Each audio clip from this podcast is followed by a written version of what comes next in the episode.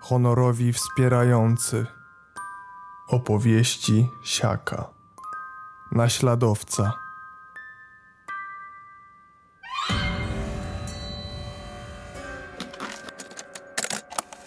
Witkacy Telkowski.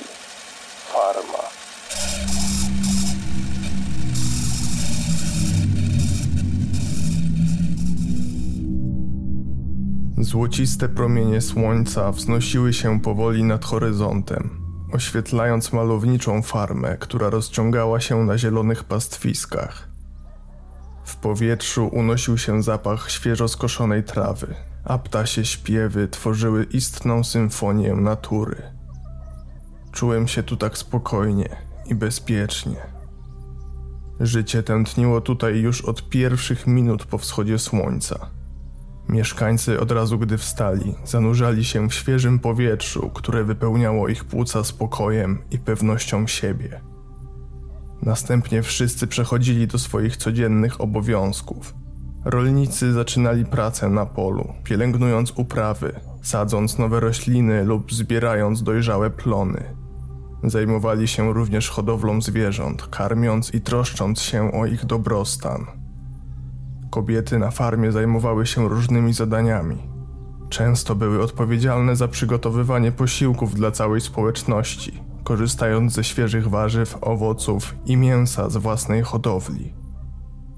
Niektórzy mogliby pomyśleć, że mieszkaliśmy jak ortodoksyjni Amisze. Otóż nie. Mieliśmy dostęp do internetu, telefonów i innych zdobyczy technologicznych XXI wieku. Wiadomo, nie posiadaliśmy wszystkiego. Jednak to była mała, samowystarczalna wioska, której mieszkańcy czuli się dobrze w swoim towarzystwie i nie potrzebowali całego tego miastowego zgiełku. Opuszczaliśmy ją jedynie do 18 roku życia ze względu na obowiązek nauki. Później, od czasu do czasu, ktoś wybrał się do większego miasta po leki, ale zwykle, posiadając wiedzę o ziołach i innych leczniczych miksturach, radziliśmy sobie bez nich. Zresztą, wystarczyło obejrzeć telewizję, żeby zobaczyć, jakie gówno odwala się w tych metropoliach. Napady, strzelaniny, masa okropieństwa. Nasza farma była spokojna, jednak z czasem nastał okres niepokojących wydarzeń.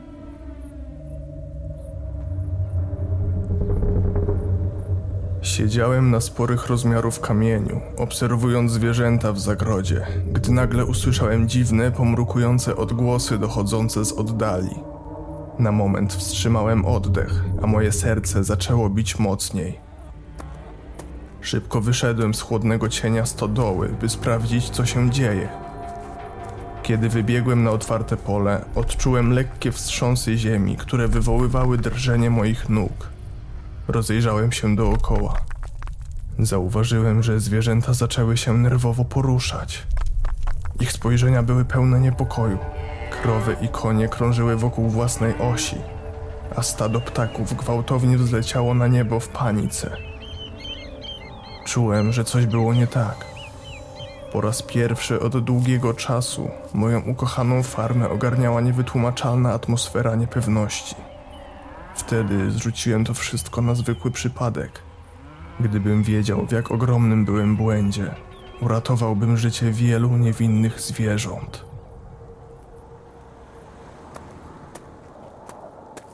Udałem się w stronę gospodarstwa Janka.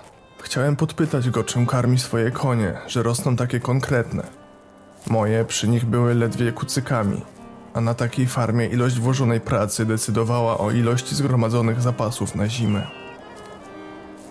Byłem już dość blisko, gdy nagle spostrzegłem coś dziwnego.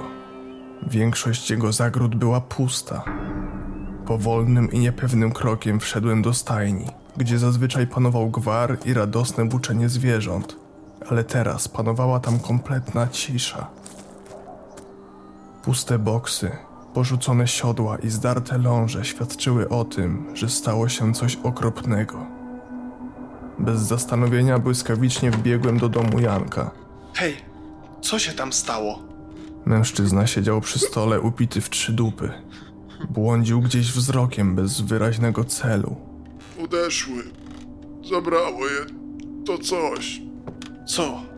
Nie wiem, no, nie widziałem tego. Ale kuźwa, zobacz na tamte ślady. Wymachiwał rękami na prawo i lewo, aż w końcu wskazał mi konkretny kierunek. Wyszedłem na ganek. Przeszedłem kilka kroków po lekko zabłotniałej ścieżce. Faktycznie, na ziemi można było dostrzec sporych rozmiarów ślady, które prowadziły w kierunku stajni. W swoim życiu wytropiłem wiele zwierząt, jednak te odciski wyglądały inaczej. Nie potrafiłem określić, jaka istota przybyła na naszą farmę. Jednak ze względu na pazury z pewnością był to drapieżnik. I to sporych rozmiarów drapieżnik, bo niby jakie zwierzę mogłoby porwać kilka koni. Wróciłem do mieszkania Janka. Postanowiłem zabrać mu tę flachę gorzały, którą kurczowo trzymał przy sobie i pobyć z nim chwilę, żeby po pijaku nie zrobił czegoś głupiego. To, co wydarzyło się później, było zatrważające. Z wioski stopniowo zaczęły ginąć zwierzęta. Początkowo takie sytuacje traktowaliśmy jako izolowane przypadki, jednak w miarę upływu czasu ilość znikających stworzeń rosła, a atmosfera na farmie zaczęła się zmieniać. Sam w trosce o swoje zwierzęta przeczesywałem farmę w poszukiwaniu jakichkolwiek wskazówek. Ślady na ziemi sugerowały walkę, zniszczone płoty wskazywały na desperackie próby ucieczki. W miejscach, w których dochodziło do tych zbrodni, często widywałem ogromne łapy odciśnięte na glebie. Krew na trawie i rozrzucone pióra świadczyły o brutalności zniknięć. Wiedziałem, że muszę odkryć, co dzieje się na farmie, zanim strach całkowicie ogarnie naszą społeczność. Spędzałem długie godziny wypatrując tajemniczych napastników. Czasem złapałem szybki ruch w zaroślach czy delikatny szelest w oddali, ale nigdy nie byłem w stanie dostrzec prawdziwego sprawcy. Niejednokrotnie, gdy podążając za śladami wchodziłem do lasu, trop nagle się urywał. Rozstawiłem nawet kamery w okolicach, gdzie mogłoby dojść do następnych napaści.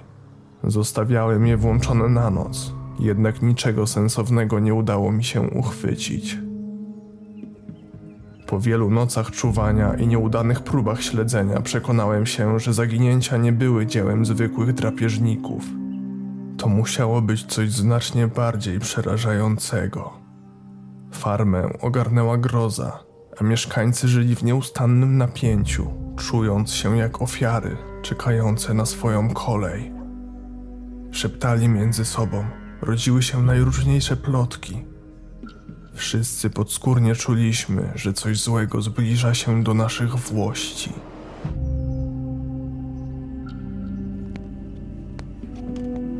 W obliczu narastającego zagrożenia, kilkunastu najbardziej decyzyjnych mieszkańców osady zgodnie postanowiło podjąć jakieś kroki.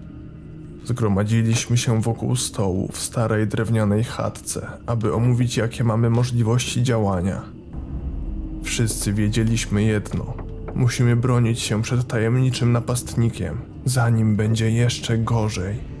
Nie możemy dłużej czekać. Musimy chronić nasze zwierzęta. Grzegorz nie mówił nic konkretnego, jedynie w kółko powtarzał, że nie ma czasu i trzeba działać.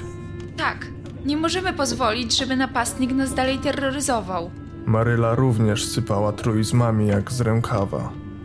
Cała ta narada wydawała się nieco bezsensowna, bo wszyscy byliśmy tak przerażeni, że nie rzucaliśmy konkretnych rozwiązań.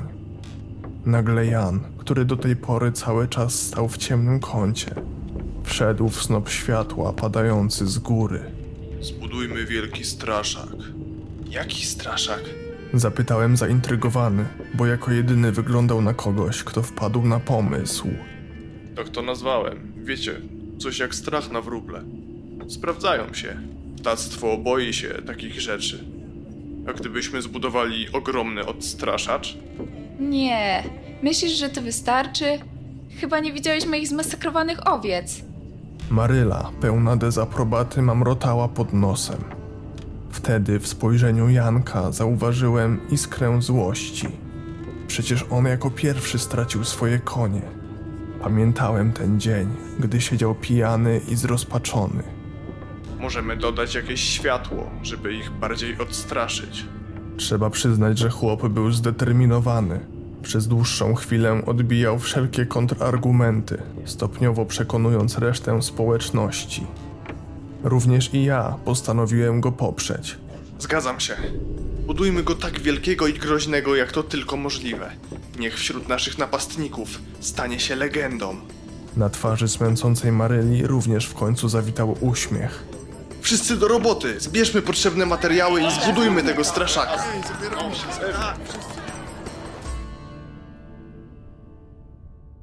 Przez kilka dni pracowaliśmy razem, tworząc olbrzymią konstrukcję, która miała zdominować centralny punkt farmy. Straszak był ogromny, sięgający blisko 10 metrów wysokości. Jego konstrukcja składała się z solidnego metalowego stelaża, który wtopiony w ziemię zapewniał stabilność.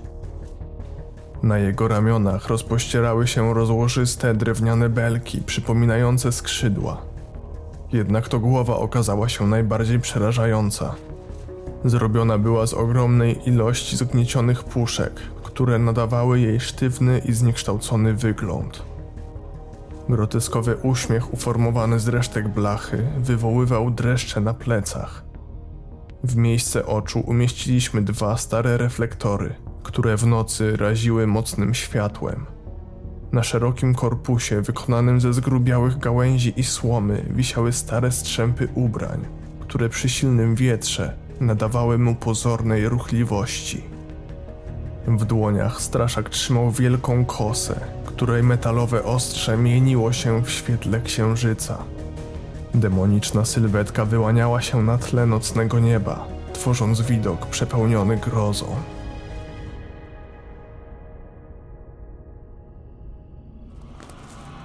Nadszedł upragniony moment. To była pierwsza noc, gdy nasz obrońca czuwał nad wioską. Wraz z grupą towarzyszy czekaliśmy ukryci w pobliskich zaroślach, aby sprawdzić efekty naszej pracy. Wszystko było przygotowane.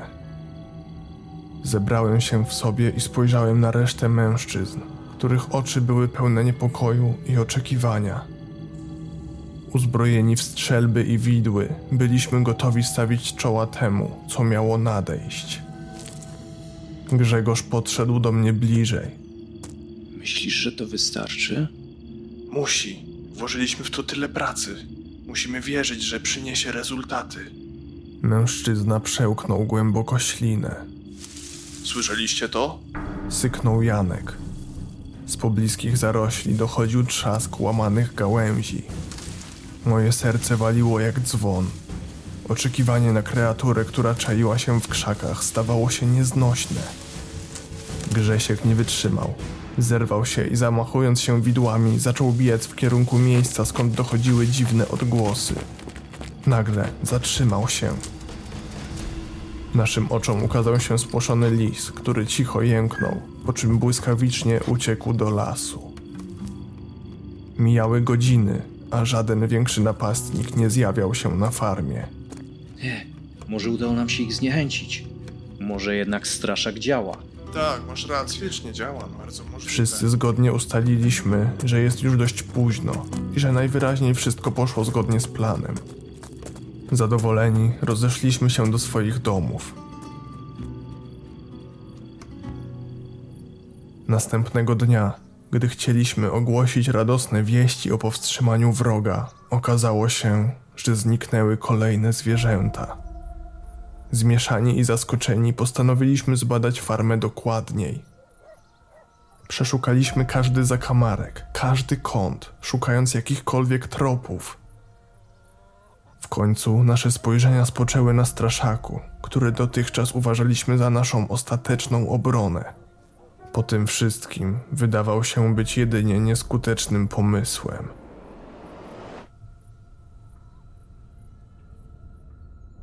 Cała ta sytuacja nie dawała mi spokoju. To nie były przypadki zwykłych ataków, jakie występują wśród zwierząt. Wpadłem na pomysł. Pewien starzec mieszkał w odosobnionym domu niedaleko lasu. Miał reputację znawcy nadnaturalnych zjawisk. Był też dziwakiem, dlatego nie przebywał razem z nami na farmie. Niektóre kobiety i dzieci bały się go. Plotki mówiły, że posiada tajemną wiedzę. Postanowiłem zaryzykować i odwiedzić go w nadziei, że powie mi, co robić.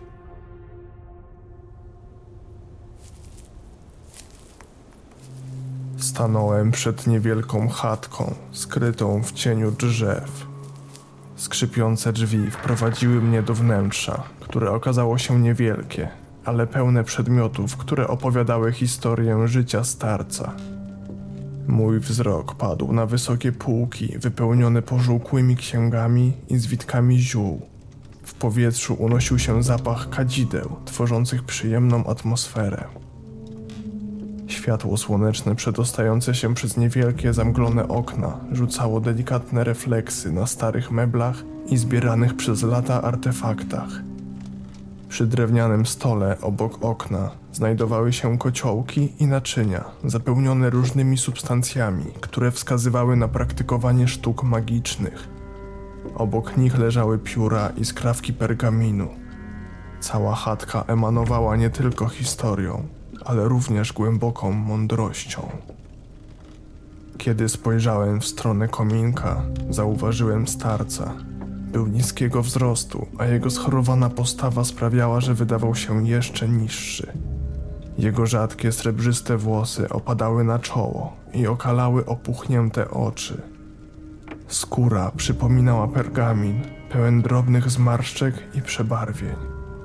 Na szyi miał zawieszony amulet z misternie wygrawerowanym symbolem. Dzień dobry. Słyszałem, że zna się pan na nadprzyrodzonych siłach. Oczywiście. Wszyscy o mnie gadają, ale nie bez powodu tutaj siedzę. To znaczy? Kiedyś mnie wypędzili. Ubzdurali sobie, że przynoszę nieszczęście, że param się czarną magią. Banda idiotów. Staruszek wyglądał na mocno poirytowanego. Spróbowałem szczerze przedstawić mu, jak wygląda sytuacja. Na naszej farmie dzieją się dziwne rzeczy. Zwierzęta znikają bez śladu. Mógłbyś nam jakoś pomóc? Wydajesz się w porządku. Może na tej farmie nie ma już takich kretynów jak kiedyś. Poszło zaskakująco łatwo. Siwy mężczyzna stwierdził, że ludzie, którzy go kiedyś wygnali, teraz najprawdopodobniej są zniedołężniałymi starcami, a młode pokolenie zawsze jest mądrzejsze. Postanowił zbadać tę sprawę.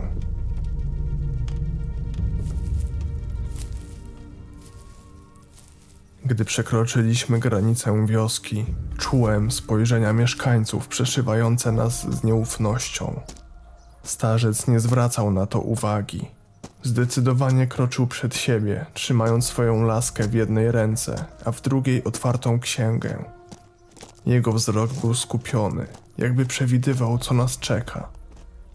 Kiedy dotarliśmy do miejsca, gdzie ostatnio zginęło kilka zwierząt, mężczyzna pochylił się nad ziemią, skrupulatnie badając każdy ślad. Mieszkańcy z oddali obserwowali nasze działania. Nie byli pewni, czy powinni zaufać mężczyźnie, czy jego obecność przyniesie im bezpieczeństwo, czy jeszcze większe zagrożenie. Starzec, nie dając się zrazić spojrzeniom wrogości, skupił się na swoim zadaniu. Analizował każdy ślad, szukając tropów, które mogłyby rzucić światło na to, co się wcześniej wydarzyło. Nasze badania trwały godzinami. Mężczyzna skupiał zmęczone oczy na drobnych śladach na ziemi, wciąż zagłębiony w swoich myślach. Nagle jego wyraz twarzy zmienił się z zamyślenia w zdumienie. Uniósł dłoń i powoli ją zacisnął, jakby odkrył klucz do tajemnicy. Westchnął głęboko i spojrzał na mnie. Jego oczy były przepełnione zarówno pewnością, jak i zmartwieniem. Nie mam dobrych wieści. To wilkołak. Powiedział spokojnie, ale jego słowa były jak błyskawica, która przecięła moje przekonania na pół. Za nie mówiłem. Patrzyłem na niego z niedowierzaniem. W mojej głowie krążyła masa pytań. Wilkołak? To możliwe? Przecież to były tylko legendy, opowieści straszące małe dzieci. Powoli docierało do mnie to, że teraz musiałem zmierzyć się z czymś, co wydawało się nierealne. Starzec spojrzał na mnie ze współczuciem. Chwycił mnie za ramię. Chodź, nie dyskutujmy tutaj o tym. Kiwnął głową, wskazując ludzi, którzy w oddali ciągle przyglądali się naszej rozmowie. Pociągnął mnie za sobą i ruszyliśmy w stronę jego domu.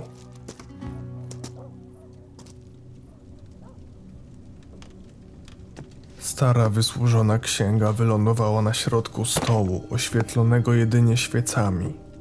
Posłuchaj, ta księga zawiera rozdziały o wilkołakach i likantropii. Palce mężczyzny przesuwały się po stronach, wskazując kolejne rozdziały. Widziałem tam ilustracje wilkołaków w różnych formach, odzwierciedlające ich przemianę.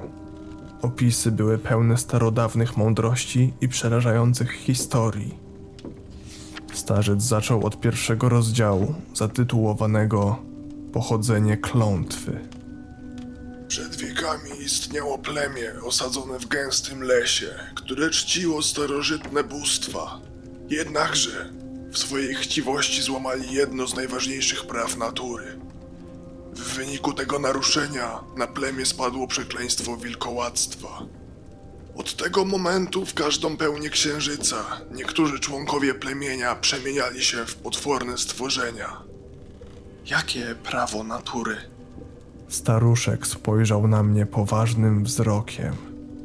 Prawo równowagi i szacunku dla wszystkich istot. Czcili starożytne bóstwa, ale zaczęli składać w ofierze niewinne istoty, aby uzyskać większe błogosławieństwo. Przez takie działania naruszyli harmonię natury i wzbudzili jej gniew. Spojrzał z powrotem w stronę księgi. Przesunął palcem na rozdział drugi, zatytułowany Objawy przemiany. Osoba dotknięta klątwą zaczyna odczuwać silne stany lękowe i agresję. Jej ciało jest podatne na niespodziewane deformacje, takie jak rozwijające się pazury, wydłużone kły i zwiększona ilość owłosienia ciała. Najbardziej charakterystycznym znakiem zbliżającej się przemiany jest znaczne wydłużenie się palców osoby przeklętej. Został jeszcze trzeci rozdział. Kontrola i uwalnianie. Osoba dotknięta przekleństwem może próbować kontrolować swoje wilkołackie alter ego, ale proces ten wymaga ogromnej siły woli.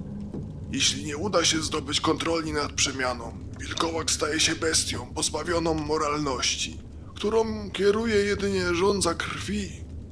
Jednakże, według legendy istnieje sposób na uwolnienie się od klątwy. Oczywiście droga do wyzwolenia jest pełna niebezpieczeństw i prób, ale ten, kto się na nie zdobędzie, może odzyskać ludzką postać. Wiedziałem, że nie mogę odwracać się od tej wiedzy, że muszę wziąć na siebie odpowiedzialność za ochronę naszej społeczności. W księdze tego nie ma, ale słyszałem, że istnieje pewne ziele, które jest w stanie ukazać prawdziwe oblicze potwora. To krwawnik wilczy. Na dźwięk tych słów moje serce zabiło mocniej. Gdzie możemy je znaleźć? Starzec spojrzał w okno, wyraźnie zamyślony. Jest już ciemno. Idealnie. Chyba wiem, gdzie może rosnąć.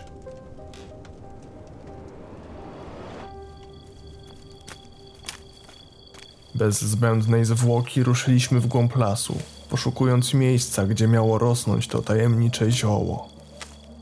Byłem pełen nadziei, że krwawnik pomoże nam odkryć prawdę.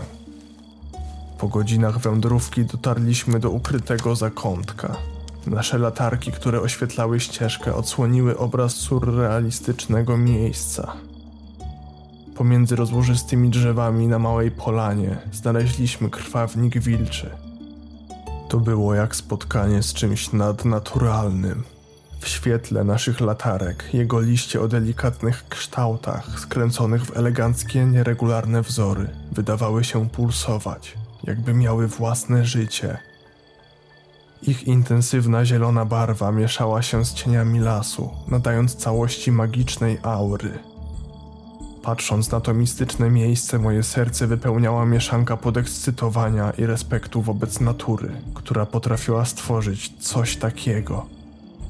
Zaczęliśmy ostrożnie zrywać liście, starając się nie naruszyć ich delikatnej struktury. Nasze ręce pracowały w milczeniu, pełne zdumienia i nadziei. Gdy mieliśmy już w rękach odpowiednią ilość liści, starzec wyciągnął małą skrzyneczkę z kieszeni. Była wykonana z drewna, zdobiona jakimiś symbolami. Delikatnie umieścił w niej zerwane liście, dbając o to, aby każdy z nich był odpowiednio chroniony. Zamykając pudełko, spojrzał na mnie ze zdeterminowanym wyrazem twarzy. Jest jeszcze coś, co powinieneś wiedzieć. Zerknąłem na niego pytająco. Wtedy na farmie nie powiedziałem ci wszystkiego. Nie chciałem, żeby inni ludzie to usłyszeli. Oprócz śladów wilkołaka, udało mi się ustalić, że napastnik to ktoś z waszej wioski. Słowa mężczyzny uderzyły we mnie jak młot. Moje oczy rozszerzyły się ze zdumienia. Ktoś z nas? Przecież wszyscy byliśmy jak jedna wielka rodzina. Teraz jednak musiałem spojrzeć w inny sposób na swoich sąsiadów i przyjaciół. Na pewno? Starzec kontynuował, wyjaśniając, że w momencie, kiedy zbliżył się do wioski, poczuł jakieś zaburzenia równowagi. Zauważył pewne niepokojące sygnały, które sugerowały ukrywanie mrocznej tajemnicy. Nie było to coś łatwo dostrzegalnego, jednak twierdził, że ma swoje metody odczytywania ludzkich intencji. Nie potrafię powiedzieć ci, kto dokładnie jest wilkołakiem, ale wiem, że zło skrywa się w waszym gronie. Musisz być czujny, bo teraz nie tylko stajesz twarzą w twarz z nadnaturalnym zagrożeniem, ale także z wrogiem, który jest blisko ciebie. Spojrzał na mnie wzrokiem pełnym współczucia i przekazał mi drewnianą skrzynkę. Czułem się zagubiony. Nie wiedziałem, komu mogę zaufać. Wszystko, w co wierzyłem, zostało zachwiane. Musiałem zebrać siły i zdecydować, jak będę kontynuować tę walkę. Być może odpowiedzi leżały w krwawniku wilczym, który trzymałem w dłoniach. To było moje jedyne narzędzie do odkrycia prawdy i uratowania naszej farmy. Musiałem walczyć zarówno z bestią, jak i z tymi, którym dotąd ufałem.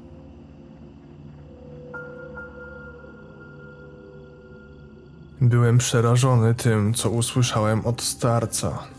Nie mogłem pozwolić, aby ginęły kolejne zwierzęta, ani co gorsza, żeby żaden z mieszkańców wioski w końcu nie ucierpiał. Przechodziłem obok straszaka, gdy nagle mnie oświeciło. Przecież to był pomysł Jana. To on zaproponował budowę tego straszaka. Co jeśli w ten sposób chciał odwrócić od siebie podejrzenia? Chciał nas zmylić i zyskać na czasie. Musiałem znaleźć dowody. Podejrzewałem, że Jan może ukrywać coś w swoim domu. Uzbrojony w nóż postanowiłem zakraść się na jego podwórze. Skradałem się ostrożnie wzdłuż cichej uliczki. Kiedy dotarłem pod jego chatkę, zauważyłem, że jedno z okien było uchylone. Podszedłem bliżej i bez wahania delikatnie podniosłem szybę, po czym wsunąłem się przez wąski otwór. W środku było bardzo ciemno. Opatrzyłem oczy, przyzwyczajając je do półmroku i rozglądałem się po pomieszczeniu. Poruszałem się po cichu, starając się nie wydawać żadnego dźwięku, który mógłby zdradzić moją obecność. Moje ręce drżały, gdy przeszukiwałem różne szuflady i szafki. Książki, zapiski, obrazy. Wszystko to przekopywałem w poszukiwaniu czegokolwiek, co mogłoby okazać się dowodem. Wiedziałem, że kończy się czas. Musiałem działać szybko. W jednej z szaf natrafiłem na półkę zapełnioną różnymi księgami i pergaminami. Błyskawicznie zacząłem przeglądać ich zawartość. Wśród różnych zapisków natrafiłem na coś w rodzaju dziennika. Były w nim opisane różne eksperymenty i badania dotyczące wilkołactwa. Próbował odkryć sposób na kontrolowanie swojej transformacji i utrzymywanie ludzkiej postaci. Nagle usłyszałem dźwięk otwierającego się zamka w drzwiach. Moje serce zamarło. Szybko poszukałem miejsca, gdzie mogłem się ukryć. Wpadłem na pomysł, że schowam się w małej, półotwartej szafie w kuchni. Ledwo się do niej wcisnąłem. Na ustach trzymałem dłonie, aby stłumić swój oddech.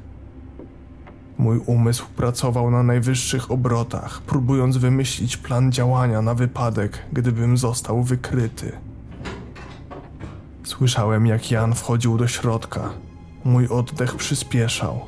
Nasłuchiwałem każdego jego ruchu. Nagle w kuchni zapaliło się światło.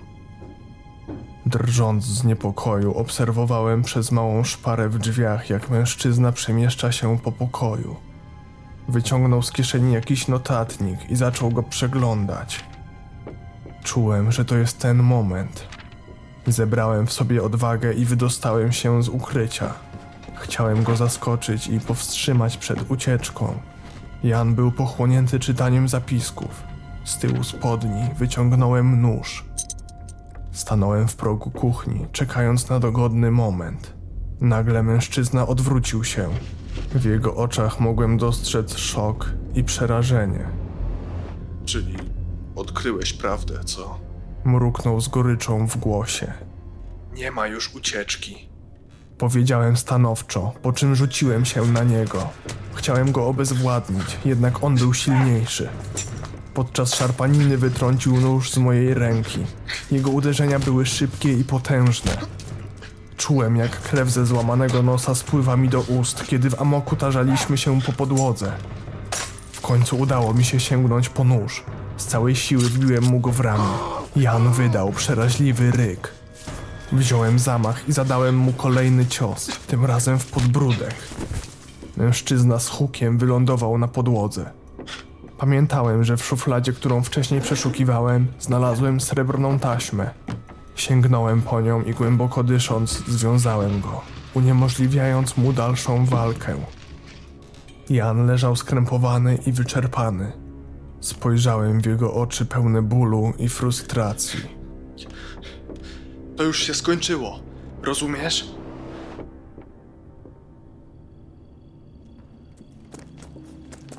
Wyprowadziłem związanego Jana na środek farmy.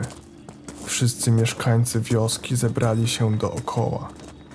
Mężczyzna wyglądał na nadwyraz spokojnego. Jego oczy, choć przerażająco złote, wciąż zachowywały ludzką zrozumiałość.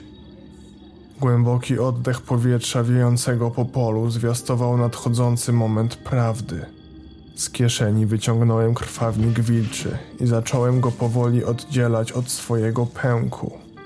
Jan spojrzał na mnie z zaciekawieniem. Otaczający nas tłum ludzi czekał w napięciu. Jeśli jesteś niewinny, nic się nie stanie. Ale jeśli jest inaczej, krwawnik ujawni twoją prawdziwą naturę. Mężczyzna wzruszył ramionami, rzucając mi pełne wyzwania spojrzenie.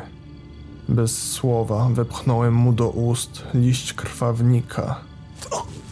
Cisza unosiła się w powietrzu, a ja wstrzymując oddech, czekałem. Nagle Jan zaczął głęboko dyszeć. Jego ciało zaczęło się skręcać i deformować. Ubrania rozrywały się, a kończyny zmieniały kształt. Jego twarz była teraz wilcza, z ostrymi kłami i przerażającymi ślepiami. Włókna sznura zaczęły pękać. Wilkołak stanął przede mną w pełnej okazałości. Wielkie stworzenie wzniosło się na tylnych łapach i wydało przeraźliwy ryk. Chwyciłem nóż, który trzymałem przy sobie, ale wilkołak był szybszy i silniejszy niż sobie wyobrażałem. W jednym skoku był nade mną. Poczułem ogromny ból. Jego pazury rozrywały moje ramię. Przerażeni ludzie uciekali w popłochu, jednak ja nie chciałem dać za wygraną. Walczyłem z całych sił, próbując uwolnić się spod jego potężnego uścisku. Nagle w oddali usłyszałem głośny łomot. Starzec uzbrojony w rzeźbiony kij i talizmany szarżował w naszym kierunku. Jego wzrok był pełen determinacji, a z jego ust płynęły starożytne zaklęcia. Nagły, adrenalinowy skok pozwolił mi się odchylić. Udało się. Kreatura puściła mnie, a moje ciało runęło na ziemię. Starzec wykorzystał moment zaskoczenia i rzucił się na wilkołaka. Ich walka była niesamowita, niczym starcie dwóch nadprzyrodzonych istot. Jego rózga iskrzyła w powietrzu, a zaklęcia płonęły jasnym światłem. Widziałem, jak siła wilkołaka słabła pod natarciem siwego mężczyzny. Wystarczyła chwila nieuwagi. Bestia wykorzystała swoją ogromną siłę, by powalić starca na glebę. Jego wściekłe ślepia błyszczały złowieszczo, gdy przyciskał go do ziemi. W tym momencie moje oczy zderzyły się ze spojrzeniem wilkołaka. To było chłodne, pełne dzikości i okrucieństwa spojrzenie. Wiedziałem, że w tym momencie muszę działać. Chwyciłem za najbliższy kamień i rzuciłem nim w kierunku bestii. Ta ominęła lecącą przeszkodę i ruszyła w moim kierunku. Nawet nie wiem kiedy wilkołak chwycił mnie w swoje szpony i w mgnieniu oka poderwał w górę, odrywając od ziemi. Moje ciało wisiało bezsilnie. Czułem narastający strach, gdy obserwowałem oddalającą się farmę, będąc bezlitośnie wciąganym w leśny mrok.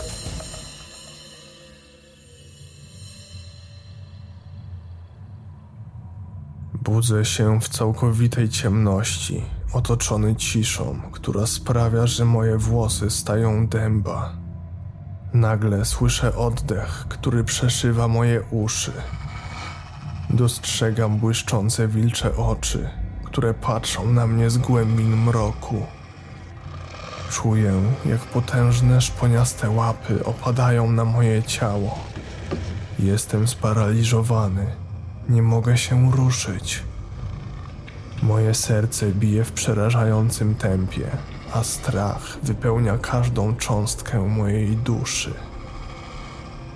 Pozostała mi tylko nadzieja, że starzec lub ktoś z wioski odnajdzie mnie w tej ponurej, dusznej jaskini.